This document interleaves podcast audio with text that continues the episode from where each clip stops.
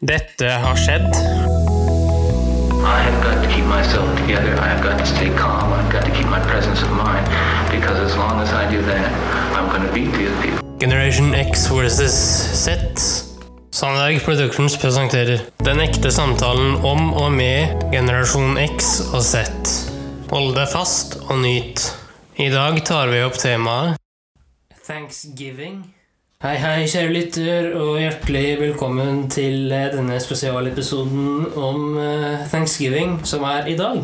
Har du noen tanker der, eh, kjære kompan? Thanksgiving er et bare begrep for meg, egentlig. Jeg vet svært lite. Det eneste jeg kjenner til, er at det er noen, gjerne familiemedlemmer, som sitter rundt et bord og spiser kalkun. Det er vel det jeg kjenner til thanksgiving. Men hva det egentlig betyr, hvor det kommer fra, hvor sterk den tradisjonen er, og for hvem, det har jeg ikke peiling på. Hva med deg, kjære sønn? Så jeg vet jo litt eh, fra media eh, om akkurat det. Det er familiemedlemmer, det er venner, det er folk som er nær en, da, som gjerne kommer sammen og spiser et bedre måltid bestående av eh, kalkun. Det, som er rart her, er at de bruker en hel kalkun. Det høres mye ut, Henrik. Ja, det høres mye ut, men når alt kommer til alt, så tror jeg ikke det er så veldig mye. Ok. Det vi kommer til å gjøre, Henrik, er rett og slett å intervjue en amerikaner som heter Andrew. Ja, eh, og han har vært her eh, før. Og nå skal han fortelle hvordan amerikanerne ser thanksgiving, og hvor kommer det fra, og hvorfor i all verden er det så poppis. Ja, og ikke minst hvorfor de feirer det, da. Yes. Skal vi bare kjøre på, eller? Ja, vi bare kjører vei, Altså så får lytterne gjøre seg opp sine egne meninger. Yes. My name is Andrew Dylan Shattuck. I'm an American, and I live in the great state of Mississippi, a southern by the grace of God. You want a short summary of why we celebrate Thanksgiving? Yes. Okay, well, Thanks. um, in the early 1600s, the pilgrims fled Europe, Britain particularly, because we were being persecuted religiously and under threat of death, no less. So a bunch of very adventurous people got in a boat called the Mayflower. And we traversed the entire Atlantic Ocean and we landed in a place called Plymouth Rock, which is in current day Massachusetts. And what they had planned was to arrive in the spring, but things did not work out as they planned, and it took a much longer time. And those poor, unfortunate souls landed in Massachusetts in the wintertime. And you boys can't possibly understand how cold, well, maybe you can because you live in Norway, but Wintertime in Massachusetts is an unforgiving season. Luckily, today you can go inside a heated building, but when they got here, there was nothing but woods and hostile Native Americans. Hostile, so they thought. They weren't really hostile, but they did have some skirmishes and some fights with the Native Americans. But they landed, and a lot of them died. Many, many, many, many, many of them died on the trip. Cold and sickness and disease. And so they finally arrived, and the remaining ones were very strong, very hardy people, kind of like your people, kind of like Norwegians, you know. Well, yes, and the Norwegians are very, very tough. I mean, you got the Vikings after all. I mean, they're tough, tough people. Yes. And, and we also have Henrik and Per, so yes, we can understand that. Yeah, we can... Yeah, uh, I know, I know. You, you guys are what we call badass. yeah.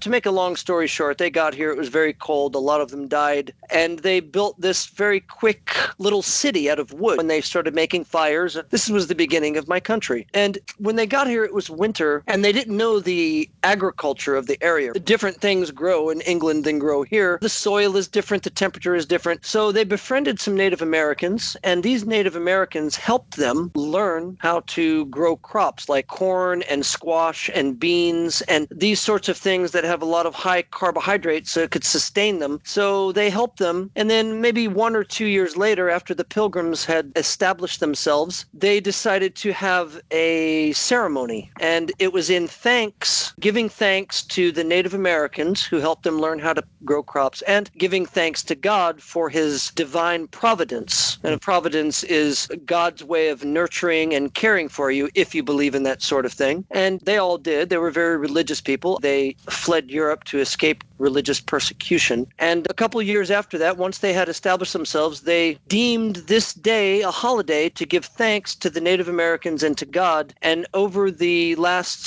three centuries, it has evolved into a holiday to celebrate not only that, obviously, because it was a long time ago, but also everything in your life, your friends, your family, everything that you're thankful for. Since I met you guys, I think I've had one Thanksgiving, and on that day, I gave thanks for everything, including you guys. You give thanks for everything that you appreciate in this life. All kidding aside, that's why the holiday is celebrated.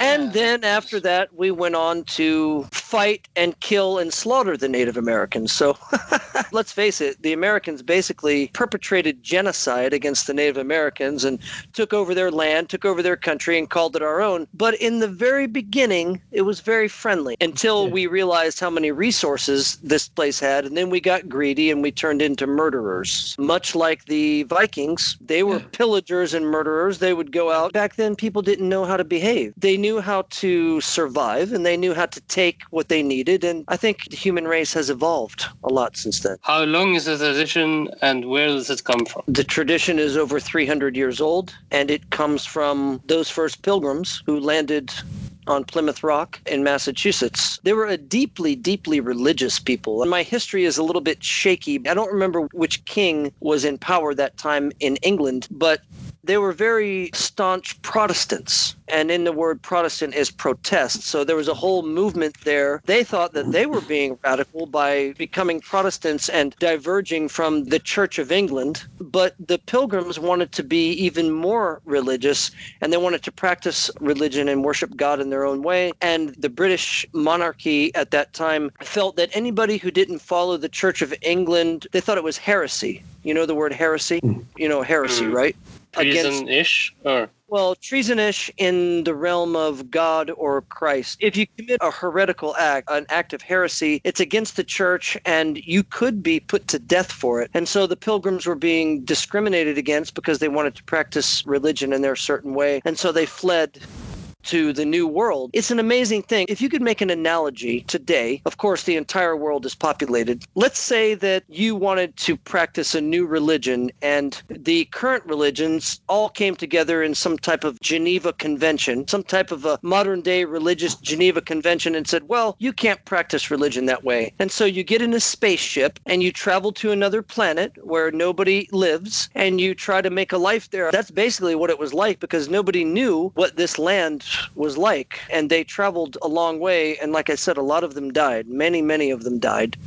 Um, so that's where it comes from. That, that, I wonder why Turkey? What's the history? that's a very good question. At first, it wasn't turkey. At first, it was just squash and beans and corn and these things that you could grow. But that's a very good question. See, your father's very smart. The turkeys came in much later. And when I say much later, I mean years and years later. What they realized once they established themselves, well, it started to become their lifestyle. And it was years and years. They were building places, they were starting the country. And what they realized was there were all these goddamn birds running around and they were everywhere. And the turkeys were plentiful. And they thought we hunt wild game in England called fowl, fowl or birds. And these turkeys can't fly. They're one of the only birds on earth that can't fly. So they were very ah. easy to catch. And they didn't want to work harder than they had to, so they would catch the bird that couldn't fly, and that's how the turkey, the bird that we eat, and it, it's quite delicious actually. Quite, have you guys ever eaten a turkey? Yes. yes. Yes, very good. You have to put gravy on top of it, you know. Yeah. Well, what kind of gravy? whatever my mother fixes, Yeah.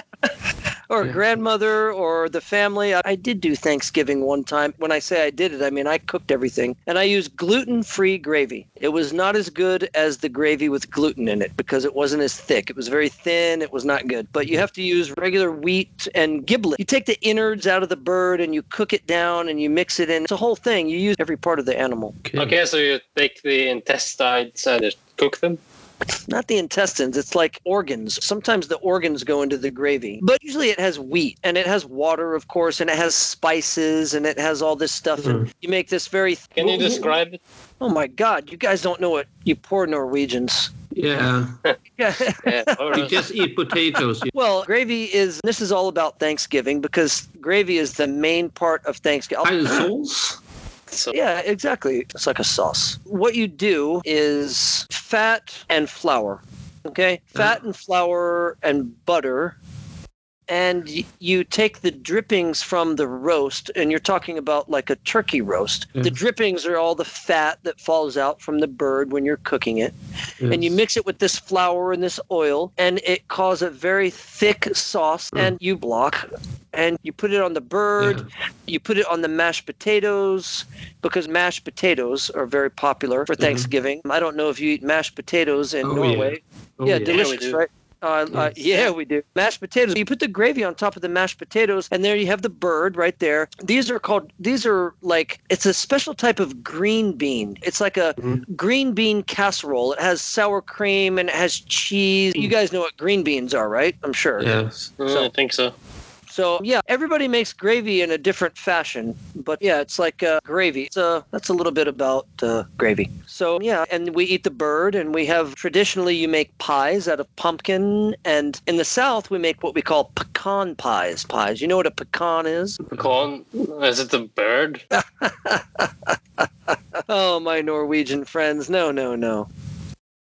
A pecan. No, I don't know what it is. It's a nut.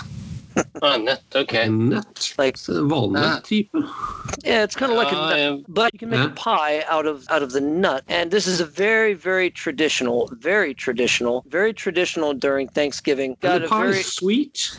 very very sweet and the nuts are on top and it has a Mm. nice thick crust on the back it's, it's dessert if you have room for dessert because you eat so much food it, sometimes you can't even eat this but yeah it's got the nuts on top and it's so delicious my friends it's so Mm. delicious it's a very good dessert very good very good yeah. In Norwegian call it nøttekake. Nuttekokke. Ja. Yes. How'd you like that accent? That was pretty good, huh? Yeah, it was fine. Can you repeat it? Well, you Yes. repeat it first, and then I'll repeat it. Okay. Nøttekake. Nuttekokke. Yeah! Yes, that was good. You guys don't know who you're dealing with here. Say you. Why do the Detroit Lions and Dallas Cowboys play on Thanksgiving Day? Oh, that's an excellent question. It's an excellent question, and I have the perfect answer for you. I don't know. I really don't know. I, I, I have no idea. It's been that way for longer than I've been alive, and I'm sure that there's some obscure reason why these two teams got to play, but it's just tradition. I've grown up with it. It was a long-standing tradition by the time I was born, and I've never questioned it. I've just accepted it. I have no idea. But they do play somewhere way back there they started this tradition, and I'm not exactly sure why those teams got chosen, but I, I can give you an answer. I don't know why it started, but I know why it still happens. And the reason that it still happens is because people have come to expect that. And Thanksgiving is a very important holiday in the United States, and people want the tradition to stay the same because it reminds them of the past and it uh, encourages them about the future. So that's one thing that is cast in stone Mm. the Cowboys and the Lions will play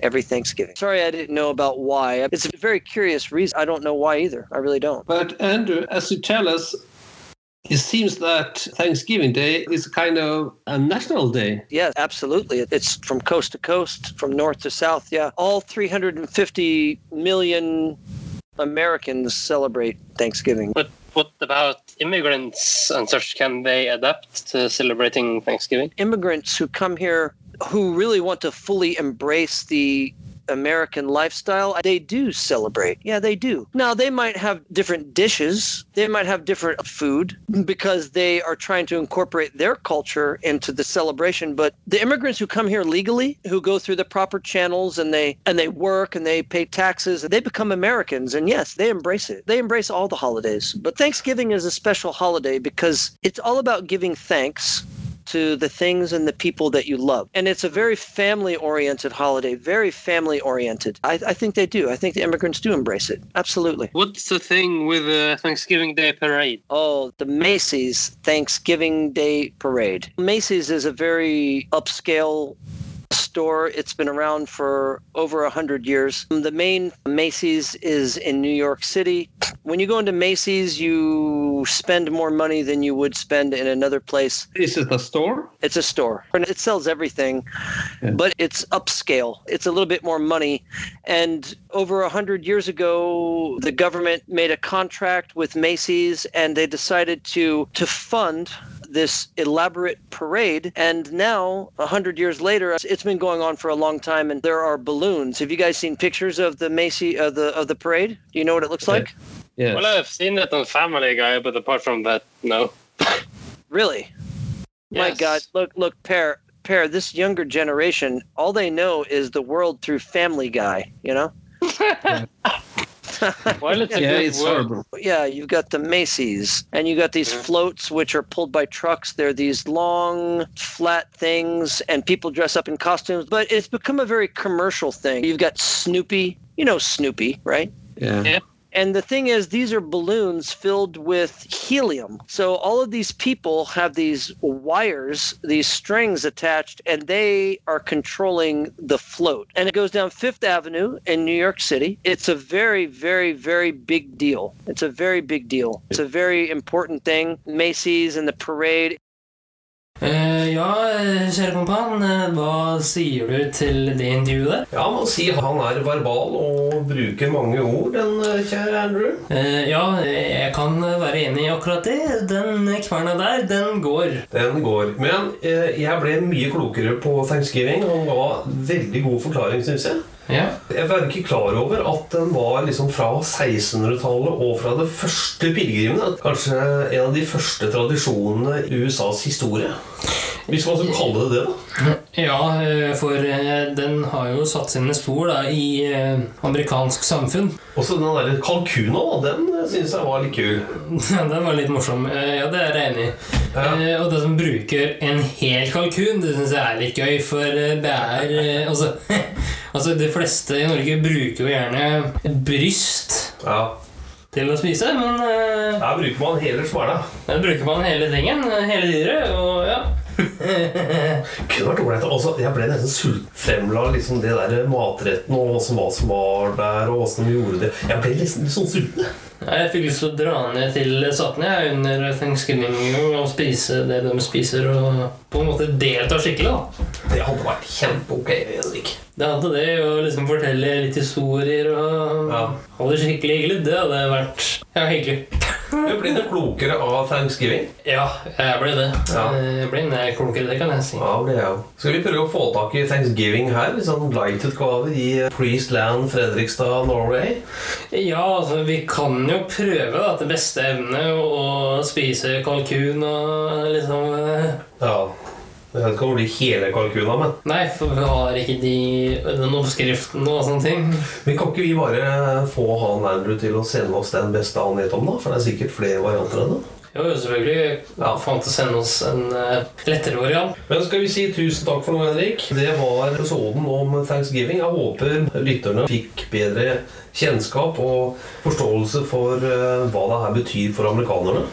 Ja, det håper jeg inderlig jeg også. Vi kommer til å gjøre flere sånne spesialepisoder da, når det er høytider og sånn i eh, verdens land. Eh, Bare så dere er klar over det.